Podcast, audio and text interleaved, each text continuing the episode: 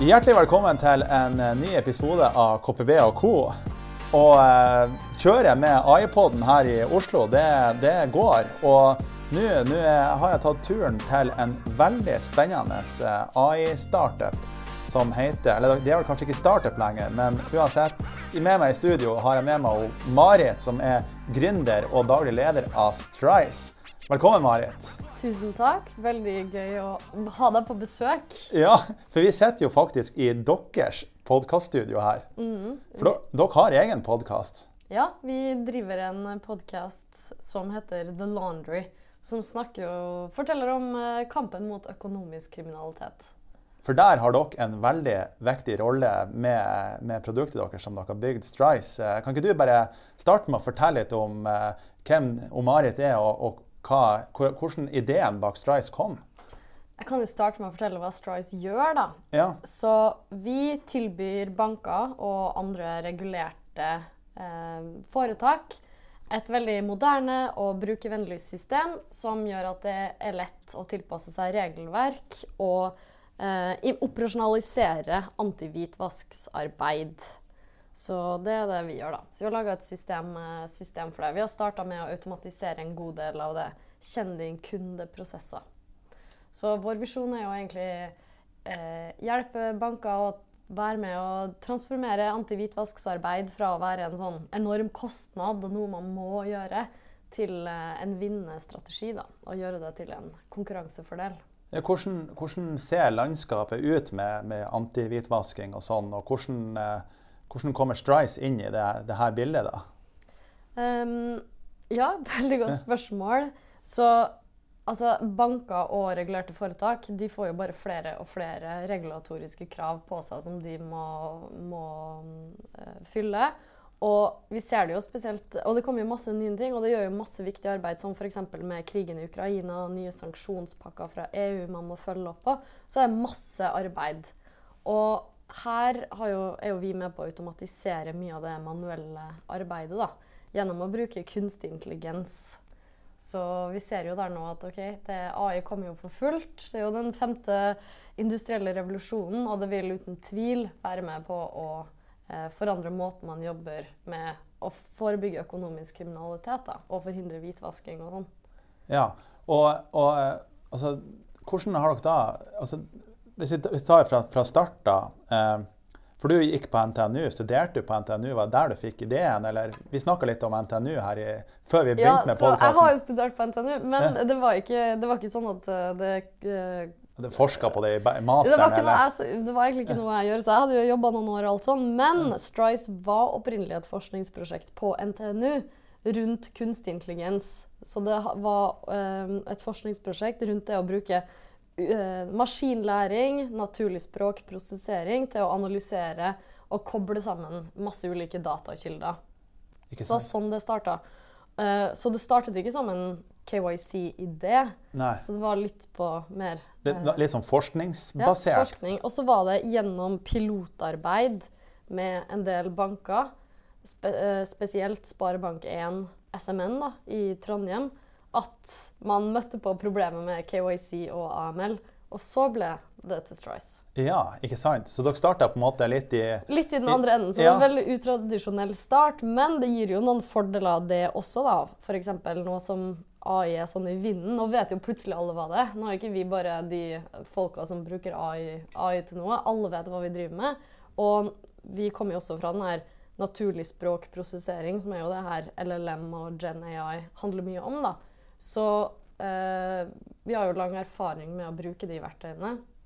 Alle snakker jo om chat eh, GPT, eh, ja. men eh, vi begynte jo å bruke GPT eh, i 2019. GPT2, da det først kom. Ikke sant? Så vi har jo ganske lang erfaring med de verktøyene her nå. da. Og det er veldig kult å kunne ta de aktivt i bruk i å utvikle effektive og gode verktøy for bank og finans da, i det viktige arbeidet de gjør.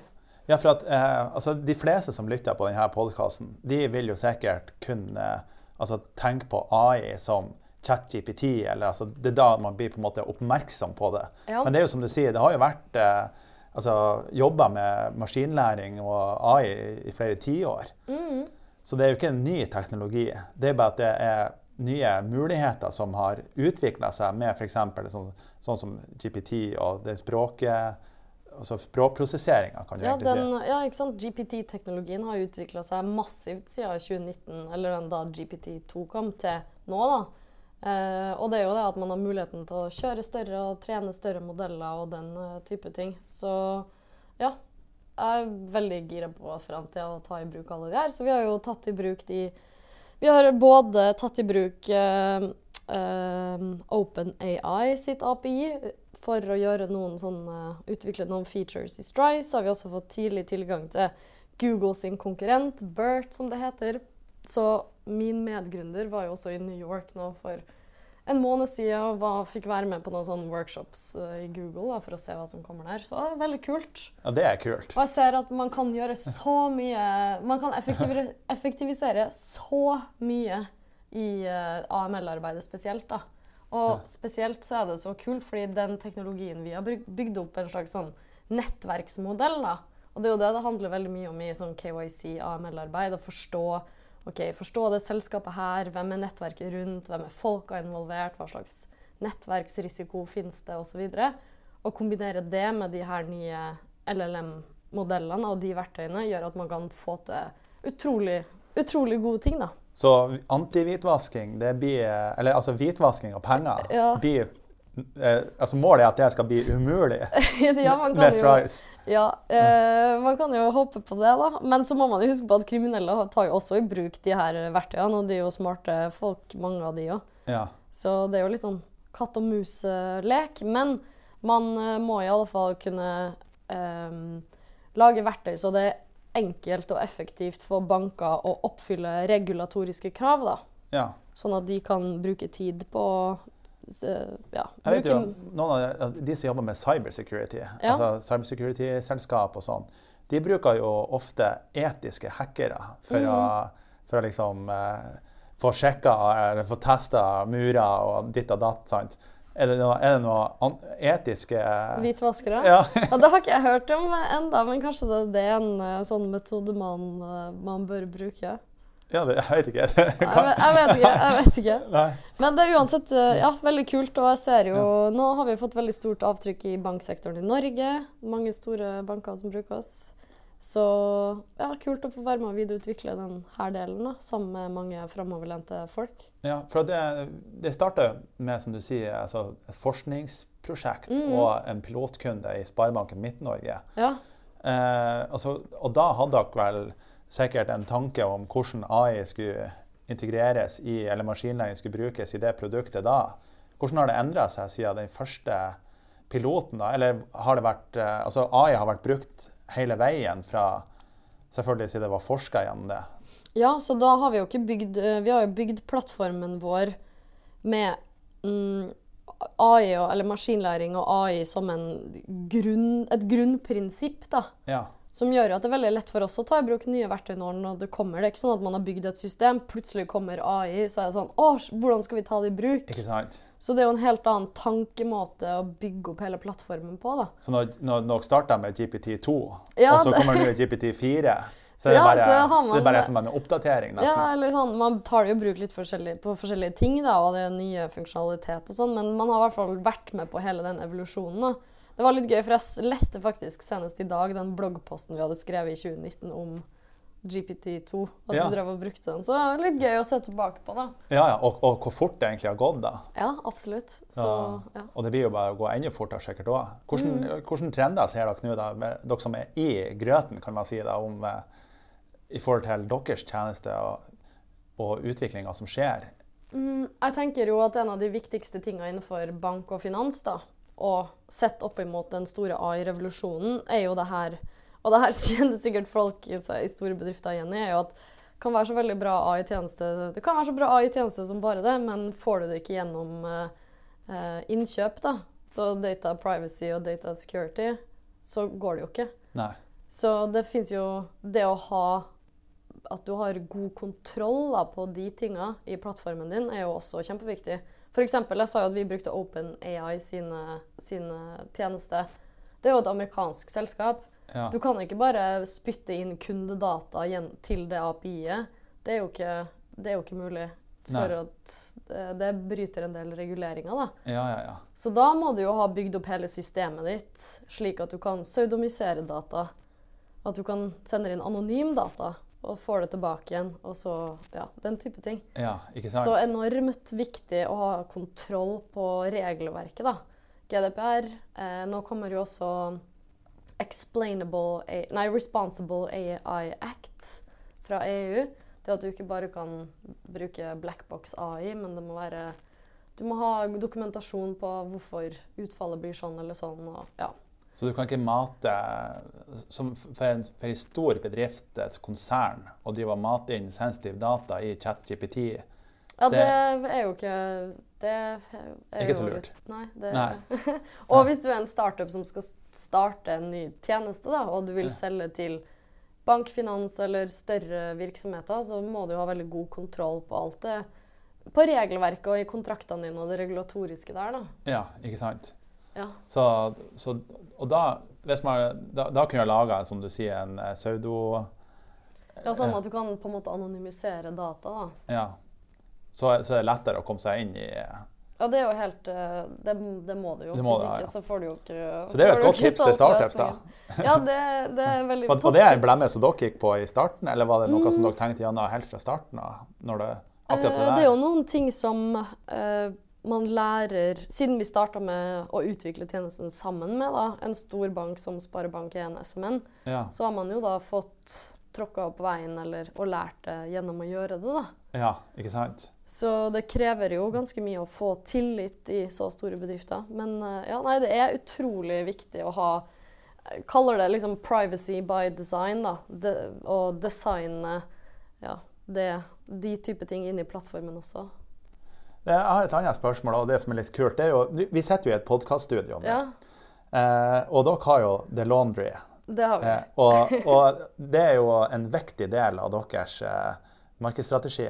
Vi har jo også lansert KPB og Co., som er da den podkasten som vi spiller inn nå. Mm. Eh, men kan, kan ikke du fortelle litt om, eh, om altså bakgrunnen for at dere har valgt eh, å bygge opp eh, The Laundry, og litt om ja, markedsstrategi eller go-to-market-strategien som, som dere har som selskap? da? Ja.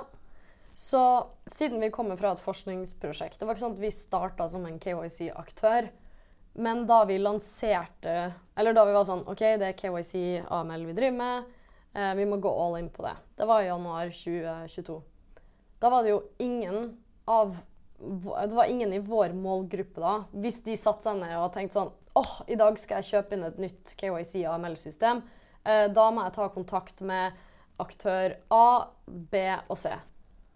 A, B og C, det, det var ikke Strice. Strice var ingen av de på shortlisten til noen. Så det viktigste vi gjorde først, og det her er jo mega-cred til Lars, da, han som er leder for markedsføring i Strice. Ja. For han var den som sa det her, og så det helt tydelig. At OK, vi kan starte med veldig mye, men hvis ingen assosierer oss med kategorien, det er første steg.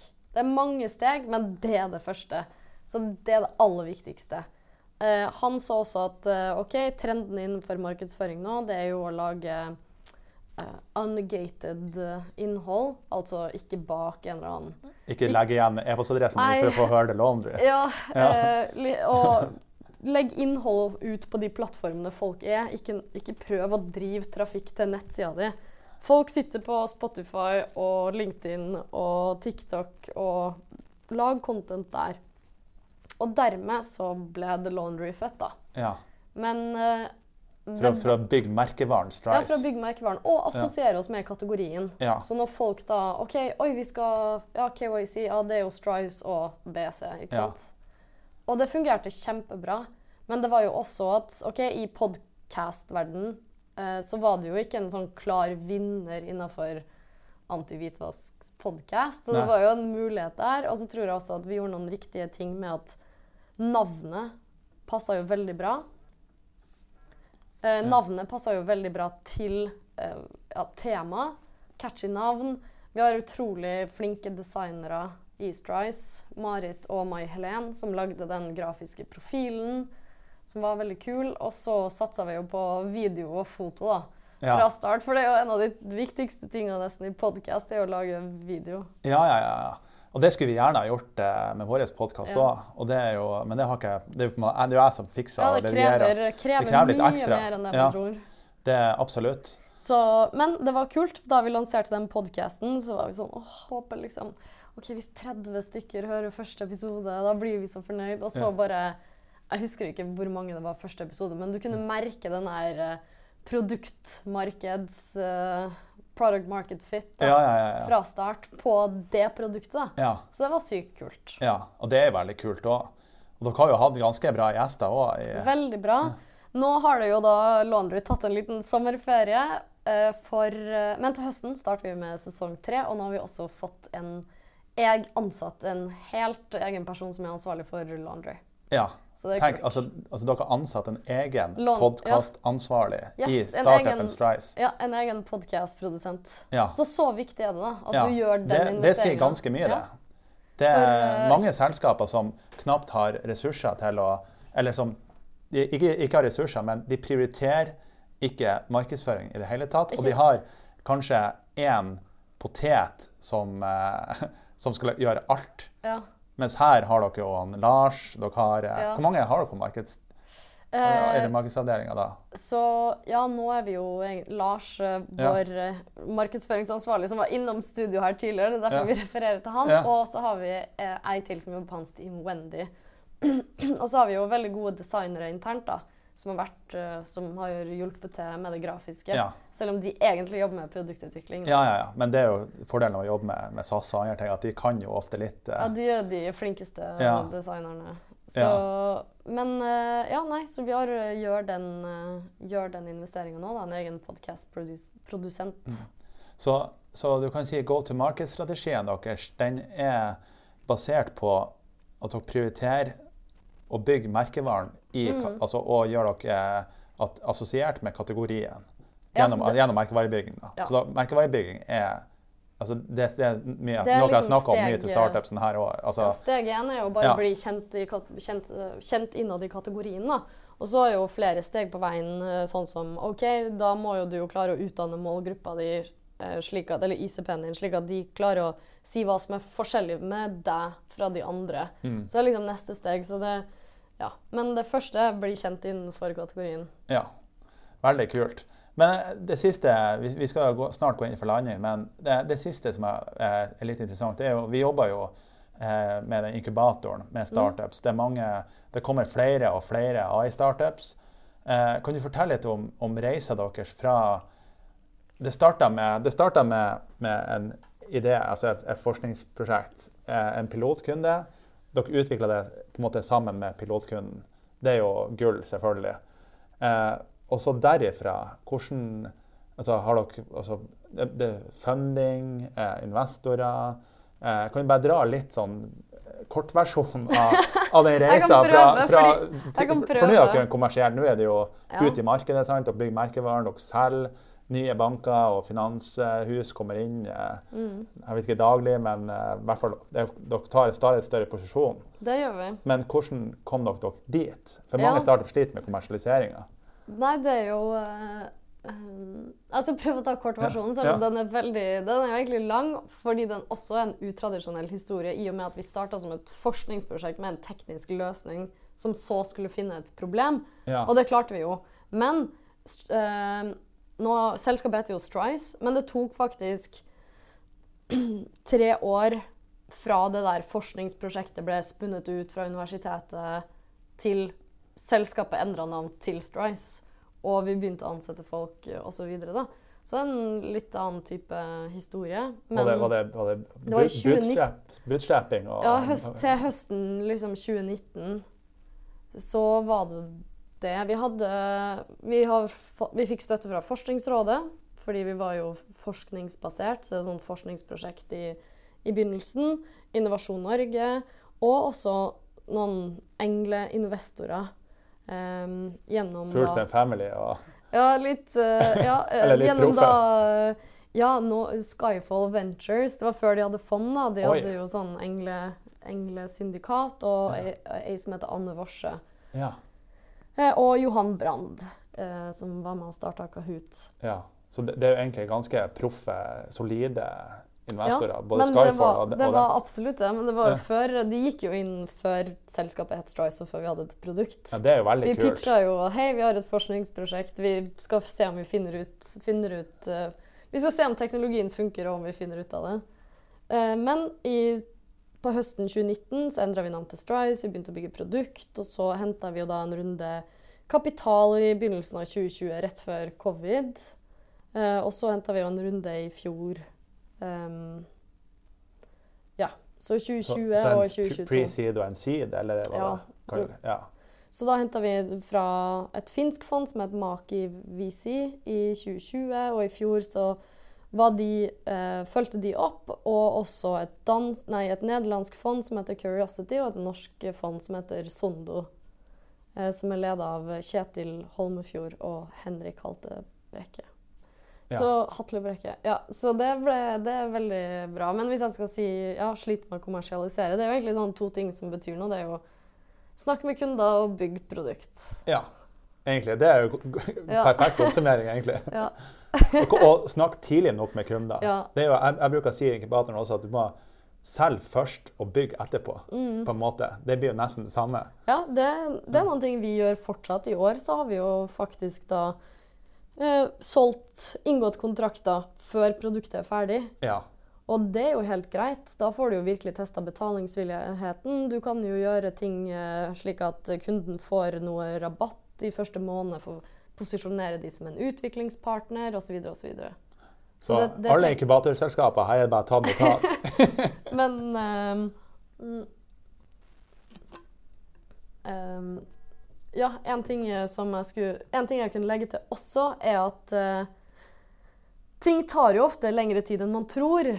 Så det å Hvis man er i tidlig fase med, og får med en utviklingspartner som har lyst til å være med å utvikle produktet, så tenker jeg åh, det er dødsbra.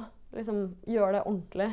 Ikke tenk at eh, å, fordi jeg ikke har tid, så er det dårlig. Liksom, det er Jobb nøye med kunden, skjønn problemet, lag et produkt som virkelig løser et ordentlig problem for de, og som de liker. da. Eh, Liksom ta ting i faser. Et siste spørsmål. Det, det her trenger du ikke å svare på hvis du ikke vil. Men eh, du, du har jo fått med noen av de ledende investorgruppene i, eh, i Norge eller i Skandinavia. Eh, og vi har sett noen ganger caser der eh, startups, eh, eller altså engleinvestorer, har kommet inn og tatt en usaklig stor cut av selskapet for tidlig, sånn at gründerne nærmest mister insentivet sitt. Det, her blir jo, det blir jo sett ikke fra gründerperspektivet, men litt fra den andre sida. da. Eh, så hvordan har du jobba for å eh, sikre at du har som gründer, og eventuelt dine medgründere, nok stor prosent for å ha det insentivet som du trenger for å peise på og, og, og krumme nakken i reisa videre? Ja, det er jo um, Det er jo ikke sånn lett rett, Det er jo ikke sånn rett framsvar, fordi alt er jo situasjons, eh, situasjonsavhengig. Men det er veldig viktig å ha et sånn et ryddig cap table, da, eller Mm, ja. aksjonæroversikt, ehm, jo lengre fram du kommer, da. Fordi når du skal hente flere runder senere, så er det overraskende hvor viktig sånne ting er. Fordi at det fins en standard.